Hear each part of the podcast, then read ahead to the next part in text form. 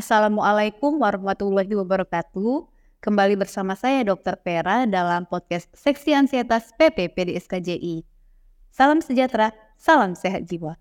Kali ini kita kembali bersama narasumber kita ada Dr. Muhammad Hasbi, Magister Kedokteran Spesialis Kedokteran Jiwa. Assalamualaikum dokter. Waalaikumsalam dokter.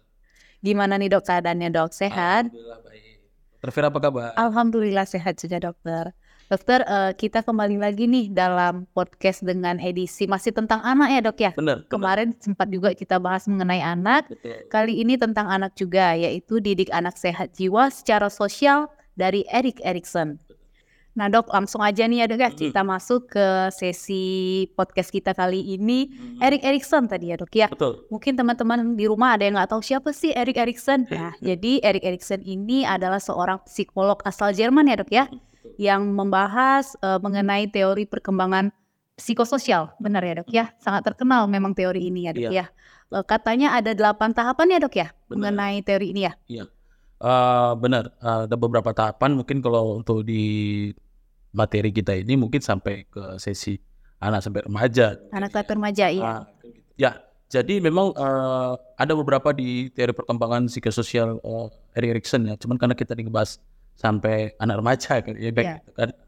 Cuma salah satunya di transmistras versus mistras itu eh, di usia 0 sampai 1,5 tahun. Kemudian ada otonomi versus eh, same itu di usia satu setengah tahun sampai eh, tiga tahun. Kemudian ada juga yang di usia tiga tahun sampai lima tahun itu dikategorikan tuh eh, inisiatif eh, versus eh, will ya. Kemudian ada lagi di industri, industri versus eh, inferiority itu di usia eh, 5 sampai 11 tahun. Kemudian setelah itu di usia 11 atau 12 tahun sampai remaja eh, 16 atau 17 itu ada yang namanya eh, identify identity. Kemudian eh, versusnya itu dia eh, rule of confusion. Nah, itulah ada beberapa bagian-bagiannya serta usia-usianya kan gitu. Iya dokter benar sekali. Hmm. Jadi memang katanya teori ini juga dari kita lahir dari usia 0 tahun ya dokter Betul. ya Iya. sampai kita meninggal. Betul. Ah, Betul. jadi memang eh, apakah memang eh, pengalaman sosial pada anak kan ini dari nol sampai meninggal. Hmm. Jadi sejauh mana nih dokter pengalaman sosial masa kanak-kanak ini mempengaruhi untuk kehidupan ke depannya dokter? Jadi memang seperti kita para dokter psikiater ya, memang apalagi kalau ada pasien datang itu memang kita lebih eh, menanyakan tidak hanya sekedar penyebabnya, anamnesa gitu ya, tidak hanya sekedar penyebabnya, kemudian eh, apa yang sudah dia lakukan kan begitu kan. Tapi kita juga menanyakan sebelum-sebelumnya, artinya itu tadi masa kecilnya bagaimana, kemudian eh, ah, apa yang dialaminya begitu. Jadi dari situ kita bisa dapat juga untuk eh, hasilnya begitu. Jadi memang usia dari awal itu Iya. mempengaruhi ya dok Betul ya. mempengaruhi nantinya. Jadi gimana nih dok untuk selanjutnya cara kita mendidik anak-anak itu agar memiliki eh, jiwa sosial yang baik? Oke. Eh, seperti kita ketahui bahwa memang eh, setiap anak tuh mempunyai jiwa ini ya eh, terhadap sosial tadi ya. Kemudian eh, bagaimana caranya? Mungkin kita kembali ke orang tua ya.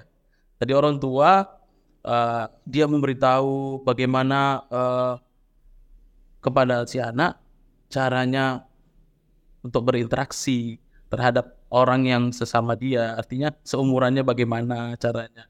Kemudian eh, bagaimana berinteraksi terhadap orang yang lebih tua begitu. Jadi sehingga untuk suatu saat nanti ketika dia nanti sudah besar ataupun dia tidak sedang sama orang tuanya, dia dapat ber- bersosialisasi dengan baik begitu. Dengan lingkungan sekitar. Iya, dan memang kuncinya kan eh, anak ini memang seharusnya lebih banyak dapat pelajaran itu memang dari rumah ya. Jadi madrasah yang terbaik itu sebenarnya keluarga ya dokter ya. Betul, betul dari rumah bagaimana kita mengarahkan dan memberitahu ataupun menasihati si anak. eh, jadi dia pun bisa dapat bekal bekal baik untuk di luar. Untuk di luar ya dok ya. Eh, satu lagi nih dok yang ingin saya tanyakan. Sekarang kan adanya eh, era digital nih sangat mudah untuk anak-anak siapa pun itu mengakses untuk apa pun informasi sangat mudah ya dok ya. Iya, Ini betul. gimana dok eh, cara kita untuk mendidik anak di era digital ini dokter? Memang itu yang pertama harus ada pembatasan. Pembatasan eh, terhadap penggunaan gadget ya ataupun Penggunaan gadget ya. smartphone ya. artinya bukan kita bilang ya dilarang betul itu ya saya rasa sih karena nggak bisa juga karena dia lihat orang tuanya pegang gadget, pegang handphone gitu kan suatu saat anak itu minta pengen gitu otomatis ada begitu ya. Jadi uh, kalau untuk anak-anak pakai memang itu kalau terlalu berlebihan memang dampaknya buruk. Nggak hanya bagi jiwanya, mungkin ke organ-organ lain kan begitu kan seperti mata, ya kan. Kemudian jadi jadi uh, seperti jadwal tidurnya jadi bisa terganggu gara-gara itu kan gitu. Nah memang uh, dibatasi penggunaannya dan diawasi itu. Jadi kayak mungkin kayak anak-anak zaman sekarang nih selain dia lihat-lihat mungkin kebanyakan main game. Main game jadi kecanduan juga. Kecanduan ya, jadinya makanya kan banyak jadi uh, apa ya dampak-dampak yang negatif yang dia dapat kalau kita memang memberikan uh, gadget secara dini. Iya benar-benar. Tapi memang uh, untuk yang apalagi pada masa pandemi yang kemarin sempat adanya sekolah digital juga ya, yang mulai melalui Zoom Betul. dan sebagainya. Betul. Kan memang dari orang tua kita mengawasi ya, ya. Harus memang harus diawasi. Ya. Mm-hmm. Uh, selanjutnya nih dok, uh, kapan nih seseorang itu dikatakan perkembangannya terlambat? Oke, okay. uh, mungkin kalau secara apa perkembangannya terlambat itu banyak faktor ya. Mungkin salah satunya dari bisa kita lihat dari bicara, kemudian kecerdasannya dan juga motoriknya ya menurut saya sih. Kita bisa lihat seusia dia mungkin kan ini seharusnya dia sudah bisa berjalan kemudian ini seharusnya anaknya sudah bisa bisa panggil uh, orang nama orang apa panggilan ayah ibu seperti itu. Dan kemudian apakah tadi seperti bilang bisa berjalan atau dia berlari kan seperti itu kan. Dan dia bisa uh, berbicara ngomong walaupun hanya sepatah dua kata. Atau hanya cuma menangis saja kan kita bisa kita lihat kemudian seperti daya tangkapnya kita bisa juga bisa bisa lihat seperti itu. Kita nilai lah.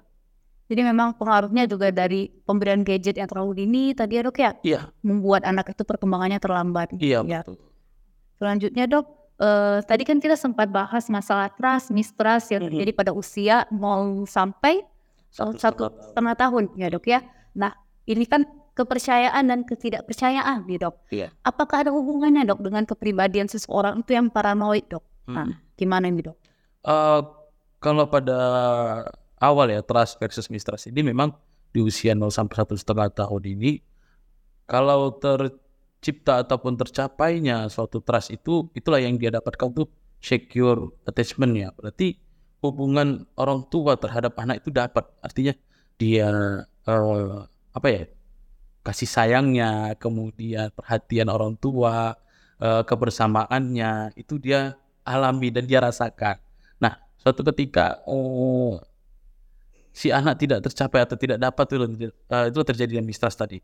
Ujung-ujungnya yaitu tadi dampak yang negatif seperti ya bisa bahkan cemas maupun bisa sampai tadi ada paranoid betul curiga dia curiga. betul jadi kalau misalnya teman-teman di rumah yang punya pasangannya yang paranoid ya dok ya curiga-curigaannya yang berlebihan mungkin ini ada kegagalan ya dok ya. Bisa jadi makanya ditanya dulu masa kecilnya masa bagaimana? kecilnya bagaimana ya dok ya. Lanjutnya hmm. uh, untuk uh, teori perkembangan psikososial ini kan juga ada tadi bahas masalah identitas versus kebingungan apa? Identity yeah, role of confusion, role confusion ya yeah. benar dok. Nah ini terjadi di usia uh, biasanya di awal dia di usia 12 tahun atau 11 tahun. sampai, sampai remaja ya, ya. 16 atau Nah, ini ada pengaruhnya nggak dok sama untuk yang seperti anak remaja nih yang biasanya ini lagi proses pencarian jati diri nih kita iya, tanya. Iya. Ini gimana?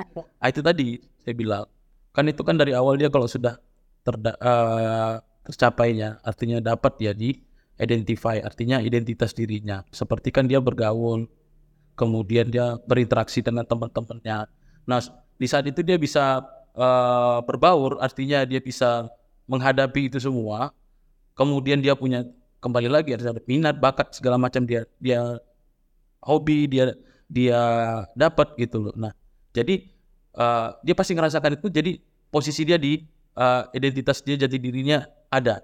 Jadi untuk di kehidupan berikutnya artinya di umur setelah melewati fase uh, remaja itu dia, dia tinggal baik bagus berarti. Nah ketika dia tidak mencapai itu artinya dia tidak mengalami itu kegagalan itu dia jatuh ke uh, role of confusion bingung dia jadi dia uh, makin banyak teman-teman yang mungkin uh, sering sharing atau curhat kali ya. Dia bingung mau ngapain karena kita tanya pun dia pun bingung. aku nih apa ya? Maksudnya eh, Jadi apa? mau jadi apa? Kadang kan kita suka nanya gitu. Setelah tamat SMA mau jadi apa gitu lah secara mungkin sederhana. Oh nggak tahu, kayak katanya gitu kan. Seharusnya kalau memang dia punya pri- jadi punya prinsip dia. Ketika dia eh, selesai, aku bakal eh, ngambil ini, ngambil ini. Jadi memang kalau misalnya nih dok kita bahas yang barusan ini kayak sekolah itu kan setelah tamat SMA kuliah ikut-ikutan teman ya dok. Nah, Nah malah setelah kerjanya nggak sesuai dengan pendidikan terakhir. betul. Nah kembali lagi Ada kadang ya dok. Iya, berarti kembali lagi ke dia modal ikut-ikutan jadi karena tidak ada pegangan tadi kan. Artinya tidak ada eh jati diri dia seperti Jati diri dia ya dok. Artinya memang sih kalau kita katakan eh, kalau ada support dukungan penuh dari orang tua, walaupun mungkin banyak kan rata-rata eh, kita katakan mungkin dia sudah tidak ada kedua orang tuanya, tapi kok bisa survive? Berarti, nah berarti bagus eh, sebelum sebelum di usia-usia itu mungkin dia dapat eh, kelekatan tadi eh, kasih sayang angkatan orang tua begitu. Ah, jadi terbina lah di usia remaja. Berarti memang sangat mempengaruhi ya dok ya. Sangat sekali. Satu lagi nih dok yang ingin saya tanyakan mengenai beberapa waktu lalu kan sempat viral juga ini Mhm. eh, seorang mahasiswa yang bingung saya laki-laki atau perempuan gitu dok. Nah Iya, iya. ini termasuk juga nih dok. Gimana nih dok Nah, kalau- identitasnya? secara identitas mungkin itu banyak ya artinya proses panjang benar ya kira ya ada beberapa juga nggak hanya mahasiswa itu juga ada kemarin itu sempat ada beberapa di instansi Nah di instansi ah ya benar. benar ya memang eh, itu mungkin diawali dengan dia pasti ada curhat atau sharing ke temennya atau ke pakar ya eh, dengan kondisi dia. Kok saya lebih ke ini ya gitu sedangkan dia bergaya mungkin seperti perempuan tapi kok seperti laki-laki gitu kan mungkin sebaliknya begitu juga.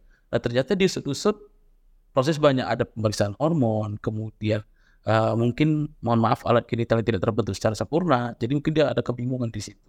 Itu juga kembali lagi ke kesadarannya. Artinya kebanyakan sih orang mempertahankan itu mungkin karena tidak tahu tapi seperti kalau di kota besar ya nggak dipungkiri seharusnya banyak eh, layanan-layanan kesehatan yang mungkin bisa dia konsultasikan begitu Iya benar sekali ya dok. Ya Hmm. eh, selanjutnya dok, tadi kan sempat bahas masalah kedekatan, pelekatan antara anak dan orang tua nih. Sementara untuk di usia remaja nih, eh, remaja itu kan didominasi dengan emosi yang berlebih. Iya, yang labil ya. Susah di- diatur gitu ya Iya, dok ya. iya, iya. Jadi gimana nih dok siasat kita untuk menangani remaja-remaja tersebut agar membangun kedekatan dengan orang tua dan anak? Ya, mungkin ini bisa dibedakan dari eh, pertama apakah si anak ini hubungan dengan terhadap orang tuanya baik atau tidak. Ketika hubungan si anak baik terhadap orang tua eh, itu mungkin tidak jadi masalah ya. Artinya si anak misalnya si rema- anaknya sudah usia remaja ini pengen keluar rumah atau pergi sama teman-teman dia pamit. Kemudian sama siapa aja teman teman-temannya itu dia kasih tahu. Ke mana dia pergi juga kasih tahu. Mungkin jam berapa pun dia bakal pulang pun ngasih tahu.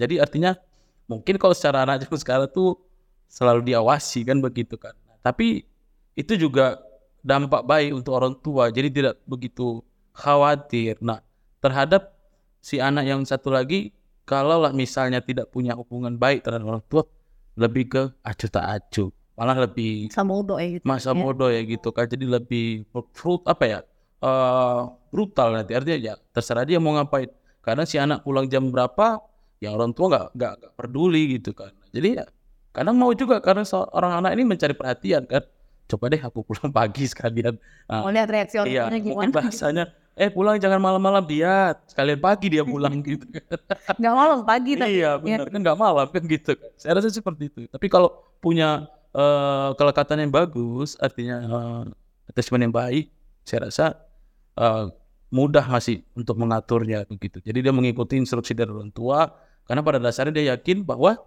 apa yang dikatakan orang tua itu ya baik tidak pernah menjerumuskan gitu. Iya, tapi malah sebaliknya yang kita lihat omongan teman ya dok ya, merasa punya kedekatan dengan teman kayak eh, teman inilah yang lebih benar gitu iya betul betul nah itu tadi jadi identitasnya kan identitasnya. jadi dia lebih dapatnya ke confuse kebingungan yang ada lebih ke jadi ikut ikutan gitu Jadi untuk memiliki jiwa yang sehat secara sosial tadi memang sangat dipengaruhi dari usia dini Iya, sampai awal. selesai nanti.